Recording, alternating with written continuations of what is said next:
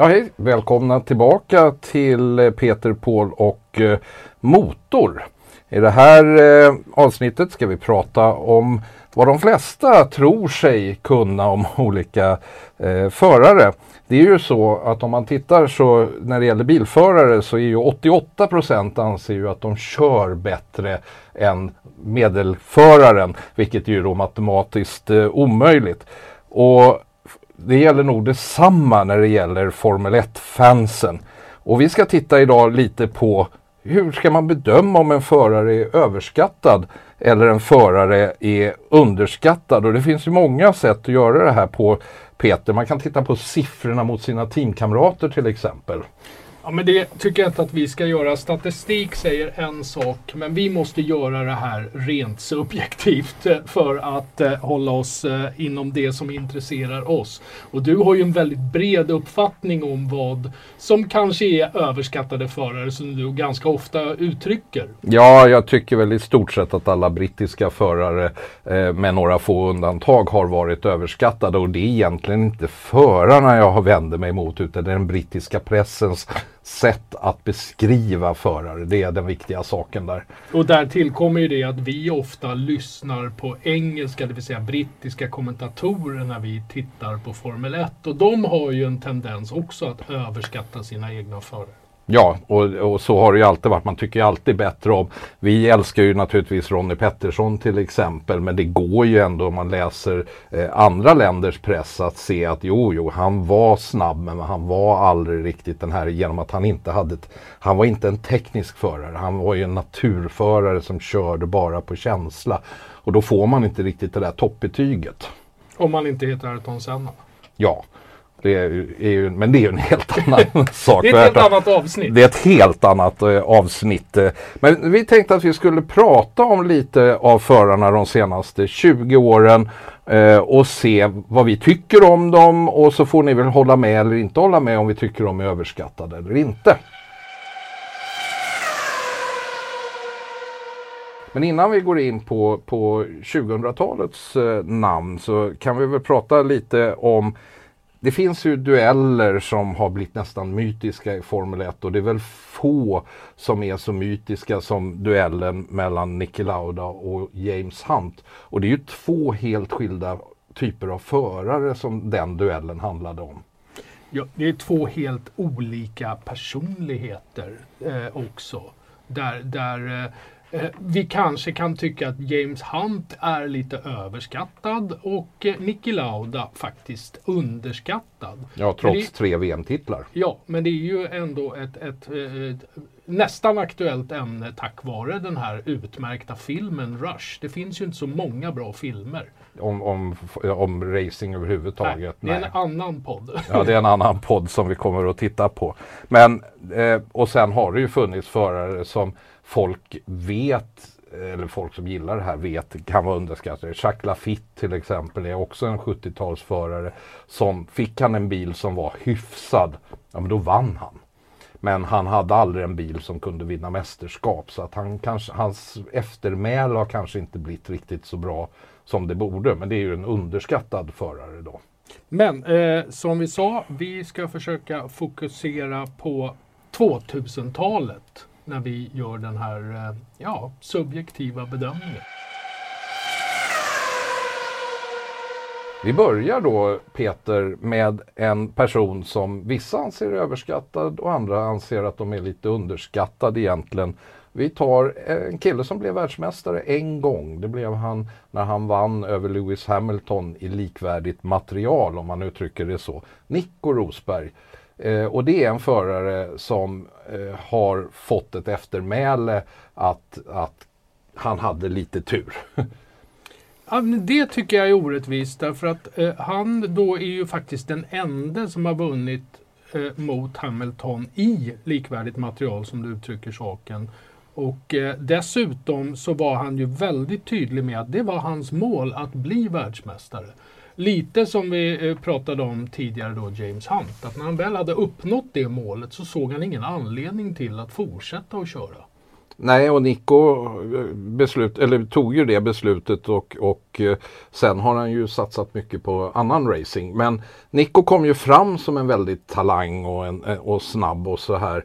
Eh, men det kändes ju när han signades till Mercedes att han var där för att vara andreförare bakom Eh, Lewis Hamilton. Och eh, det var han ju eh, utom den här säsongen.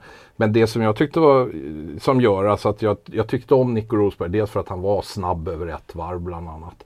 Eh, han var ju, gärna, han var ju gärna snabb. Eh, men eh, han kanske inte var riktigt lika snabb när det gällde, eller lika tuff som Hamilton var.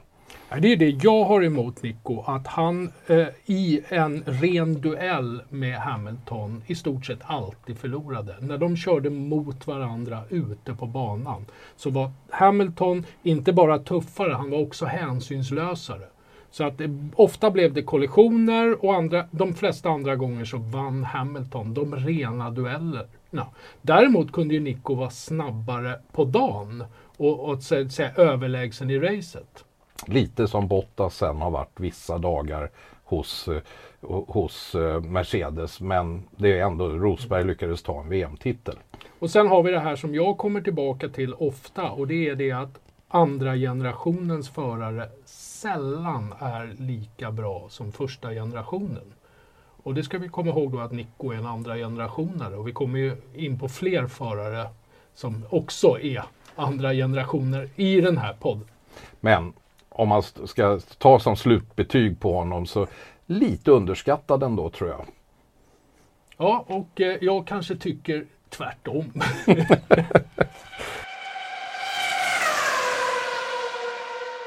Men sen finns det ju de här förarna som inte blir riktigt det man tror att de skulle bli. Ett praktexempel på det är ju tyske föraren Nick Heidfeld, Peter. Ja, nästan 200 Grand Prix i Formel 1 och eh, segrar av allt han körde innan han kom upp i Formel 1.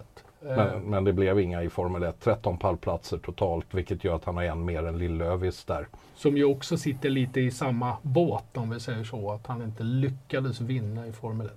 Nej, och sen gick han dessutom vidare, eh, inte Lillövis, han gick vidare till annat också, men, men Heidfeldt gick vidare till Formel E där han fick åtta pallplatser men ingen seger. Eh, och det är ju frågan då, är han, eh, var han överskattad som förare eller är han bara en besvikelse? Ibland blir det ju så att, att man eh, eh hävdar sig bra i serierna på vägen upp men när man väl når till översta steget, av olika skäl så når man inte riktigt ända fram. Det kan vara att man hamnar i fel team, det kan vara att man samarbetar med fel personer. Men det kan också vara att man får slut på talang, som ja. det heter. Den räcker inte där. Nej, och därför får vi väl säga att, att eh, tyvärr för Nick Heidfeldt, för det är ju en duk väldigt duktig förare har han ju varit, så, så måste vi räkna honom som att han var nog lite överskattad. Och åtminstone en besvikelse i Formel Och sen tänkte vi prata om en förare som har varit både och. Supertalang, men sen så blev det inte riktigt i början riktigt vad de hade tänkt sig. Men sen blev han eh, väldigt bra och det är en förare som jag tycker personligen väldigt bra om. Jag tycker han är lite underskattad eh, som en av de här som bara har vunnit VM en gång. Vi pratar om Jenson Button. Ja, jag eh, eh, tycker väl inte han är vare sig egentligen överskattad eller underskattad. Men han är ju en väldigt sympatisk person. Ja, det kommer man ju inte ifrån att han verkar ha gått igenom hela den här Formel 1-eran eh, utan att ha blivit så här superegoistisk som vissa. Alltså elitidrottare i gemen är ju tämligen egocentrerade och Formel 1-förare eh, i synnerhet är ju det verkligen i många fall. Och det kanske är lite Buttons nackdel. Han framstår som lite för snäll för att vara toppförare i Formel 1 och framförallt då kanske det, det låg honom i fatet i början av hans karriär. Men han har ju eh, meriter som han 2004 så tog han, han gjorde ju enda gången Bar verkligen fick till det och han såg ju till att de kom trea, eller han kom trea i VM eh, i barbilen. Och sen så tog han ju VM-titeln i Brån eh, 2009 Och sen så var han tvåa i VM 2011 i McLaren efter Vettel och eh, Red Bull. Men eh, den här VM-titeln, det är väl det egentligen som har gjort att folk diskuterar hur bra han var. Därför det var ju mycket diskussion runt bilen det året. Ja, de hade ju då sin eh, dubbla diffuser som det kallades och eh, eh, hade ju ett eh, övertag rent aerodynamiskt tack vare den. Men han, han var ju också bäst i teamet ska vi inte glömma. Nej, det ser man ju, han var ju det och eh, man vann ju, stallet vann ju sex av de första racen och sen försvarade man sig så att säga eh, in i mål på den VM-titeln. Men anledningen att jag tycker väldigt bra om Button som förare är ju framför allt hans förmåga att köra i svåra förhållanden. Det, det, det mest klassiska är ju hans seger i Kanada, eh, vilket år om det var 13, 12-13 där någon gång, där han var inne i depån i sex gånger men ändå lyckades vinna racet därför att han lyckades vara den enda som behärskade de här de förhållandena som förändrade sig rakt igenom hela racet. Och rätta mig om jag har fel, var han inte till och med sist två gånger jo. i loppet och jo. vann ändå? Ja, så det är en av de stora eh, sån här enskilda Formel 1-segrarna. Men han var alltid snabb när det var svåra förhållanden och det är en väldigt bra egenskap för en Formel 1-förare. Ja, inte överskattad tycker jag. En förare som man kanske inte tycker, om man bara tittar på Formel 1, att han fick ut det han borde ha fått ut av sin karriär. Eh, det är Jean Pablo Montoya. Ja, han eh, vann ju Indianapolis två gånger men, eh, och dessutom kart första säsongen han körde. Det var under de åren kart och IRL eh, var uppdelat i två olika ligor. Och när han kom till Formel 1 så var det många som trodde han skulle bli världsmästare men det blev han ju aldrig. Det blev sju segrar. Han vann i Monaco. Han var trea i VM två gånger men alla vi som gillade Formel 1 på den tiden kände att hans Formel 1-karriär är ändå en underprestation.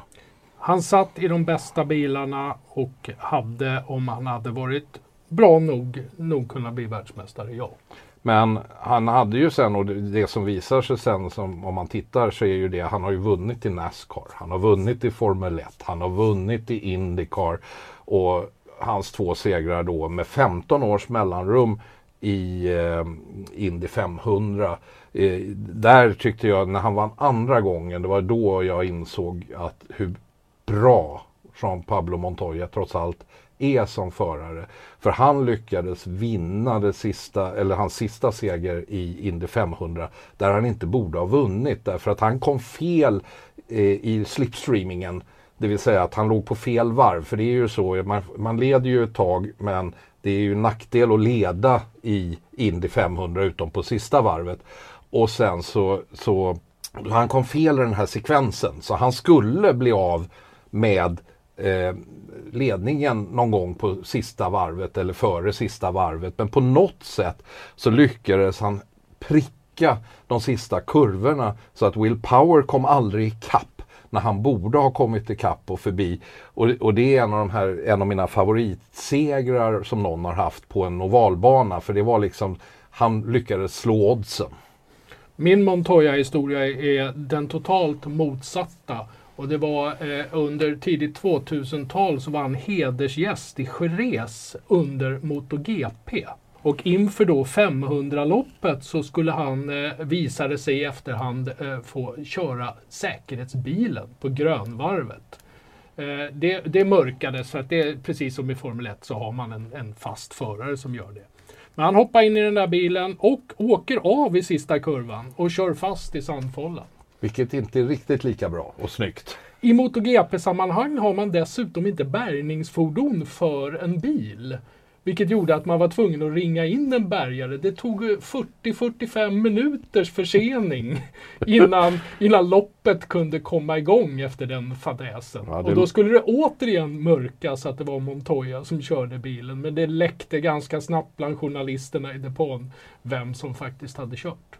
Fast jag tror inte det påverkade vårt betyg på honom som totalt som förare. Men det är, det är en härlig story. Vi har lite stories som säkerhetsbilar som vi kommer återkomma till längre fram i den här serien också. Och tar vi Montoyas totala karriär så, så är den ju bra på alla sätt och vis. Eh, han har fortfarande att jaga det sista benet i, i eh, eh The Triple Crown. Men för, som Formel 1-förare så var han överskattad. Men totalt sett så är han nog värd att vara en, en av de stora förarna. En av de största förarna i den nuvarande generationen av förare är ju Fernando Alonso. Men jag vill hävda lite att hans rykte kommer faktiskt från den senare delen av karriären än när han kom fram. Och trots att han blev världsmästare två gånger. Den här nästan lite myt, myten om Alonso att han kan köra vad som helst snabbare än någon annan den har ju byggts när han inte har suttit i det bästa materialet. Precis det skulle jag säga, att han glänser ju i själva racen när han sitter i en bil som inte är eh, överst i hierarkin. Jag tittade igenom lite och det och det är ju så att han, eh, ja Hamilton har ju formellt slagit honom som teamkamrat. De satt ju i samma McLaren och fick ju 109 poäng var och så var det Kimi Räikkönen som fick en poäng mer och tog VM-titeln det året. Och där är sån här typiskt som också hände mellan Fittipaldi och Pettersson 1973 där man tog så mycket poäng av varandra att man som team tappade VM-titeln till ett annat team eller förar-VM-titeln. Fernando är ju en av de bästa förarna som jag har sett i alla fall. Ja, och tittar man statistiskt på honom och jämför startposition med raceresultat så tror jag att det är få andra förare i modern tid som kommer i närheten. Sen har han ju haft lite otur i, fel ord, men han gick ju till exempel till McLaren när McLaren felsatsade på Honda. Det tog ju ett antal år innan Honda fick motorer som var konkurrenskraftiga och det ser vi ju nu som, som Red Bull har använt och haft stora framgångar med och nu kommer det väl också vara förhoppningsvis då 2026 så kommer ju Honda tillbaka för att köra med, med Aston Martin. Där då just för tillfället eh, Alonso glänser ju mer än vad han har gjort på ganska många år. Sen är väl frågan om han kommer att vara kvar hos Aston Martin 2026 eller om han är kvar i Formel 1 då. Nej, han har ju kontrakt för 2024 eh, också men sen är det ju ingen som vet och förmodligen inte han själv heller. Nej, det känns ju inte som han har haft en plan på det sättet att jag ska till det här teamet. Det känns ju, eller det som vi tycker är mest spännande är vad såg Alonso som vi andra inte såg när det gäller Aston Martin? Jag tror eh, det var två saker. Det ena var att eh, där blev han erbjuden kontrakt på mer än ett år. Och det andra är att eh, eh där finns det pengar. Ja, det är två bra egenskaper för en förare att få tryggheten och veta att eh, han har två säsonger på sig att visa någonting och, och dessutom pengar är aldrig fel i, i eh, Formel 1 även om man nu är lite mer begränsad än vad man har varit förut. Jag är lite nyfiken då, mm, ska vi inte prata om här, men jag är lite nyfiken på hur de får in pengar på sidan, vid sidan av den här eh, top, begränsningen som finns, hur mycket pengar man får använda. Budgettaket ja. Budgettaket ja. Men eh, Fernando Alonso, det är vi väl överens om, är en av den här generationens absolut bästa förare. Om inte den bästa. Men om man pratar om Fernando Alonso då kan man inte låta bli att prata om Lewis Hamilton som tillsammans med Alonso slåss om den där titeln. Den här generationens kanske bästa förare. Och med sju stycken VM-titlar och en över hundra segrar i Formel 1 så är det ju verkligen eh, en av de absolut bästa, eller hur? Ja, och framförallt har han ju under sin karriär, tycker jag, varit bra på två saker. Och det ena är att kvala, där han ju har varit suverän. Eh, och det andra är att eh, slå sin teamkamrat. Och sen, eh, eh ja det är ju en, en, en sak som verkligen har, har sina fördelar och så. Och sen kommer jag aldrig ifrån det här också att han kommer ju inte från en racingfamilj eller att han har haft den stora ekonomiska eh, backningen bakom sig utan han tog sig till Formel 1 på någonting så ovanligt som bara ren rå talang. Ja, ingen pappa med pengar, inga tunga eh, privata sponsorer utan det var ju faktiskt McLaren som tidigt såg eh, eh potential och tog in honom i sitt förarprogram. Och jag måste ju säga att jag har ju faktiskt ändrat ganska mycket åsikt om Hamilton de sista åren. För jag tyckte i början att han är bäst när han sitter i den bästa bilen. Det vill säga han, det finns vissa förare som är väldigt bra om de är längst fram. Men inte lika bra när de är längre bak. Bottas är en typisk sån förare. Han hade ju problem många gånger med Mercedes om han hamnade i trafik liksom på plats 10. Eh, då, men han kunde köra mycket snabbare än Hamilton till och med de dagarna när allt funkade för honom. Och jag tyckte liksom att Hamilton var en sån förare. Men det finns två saker som faktiskt har gjort att jag har ändrat åsikt om det här eh, ordentligt. För det första så insåg jag ju liksom efteråt, både, inte så mycket 16 men efter 21, hur mycket det krävdes för att besegra Hamilton i VM. För att Max körde ju, Max Verstappen körde ju över gränsen hela säsongen och han lyckades med nöd och näppe besegra eh, Hamilton i sista gången man hade den här överlägsna Mercedesen, eller alltså Mercedesen som den generationen av bilar. Och sen eh, den andra är, jag tycker de två sista åren så har eh, Hamilton gjort ett antal riktigt, riktigt fina körningar. Men de syns kanske inte riktigt så mycket som de borde synas därför att han har så bra teamkompis nu. Han har ju George Russell. Ja, och Russell eh, är ny i branschen, han har inte samma pondus och han chansar inte lika mycket. Utan han tar det som teamet tror är den bästa setupen och kör med det och det fungerar oftast ganska bra. Medan Hamilton tycker jag vill vinna racet och chansar mer med setup, med taktik och försöker hela tiden hitta sätt att, att få en bil som inte är en vinnarbil att bli snabbare. Och det straffar sig ofta för hans del. Så att när det gäller Lewis Hamilton, det är ju inte en fråga om han är över eller underskattad, men är han värd sitt eftermäle som en av de absolut största? Och jag tyckte inte det för fem år sedan, men numera så tycker jag nog att Lewis Hamilton går in där bland de riktigt, riktigt stora Formel 1-förarna.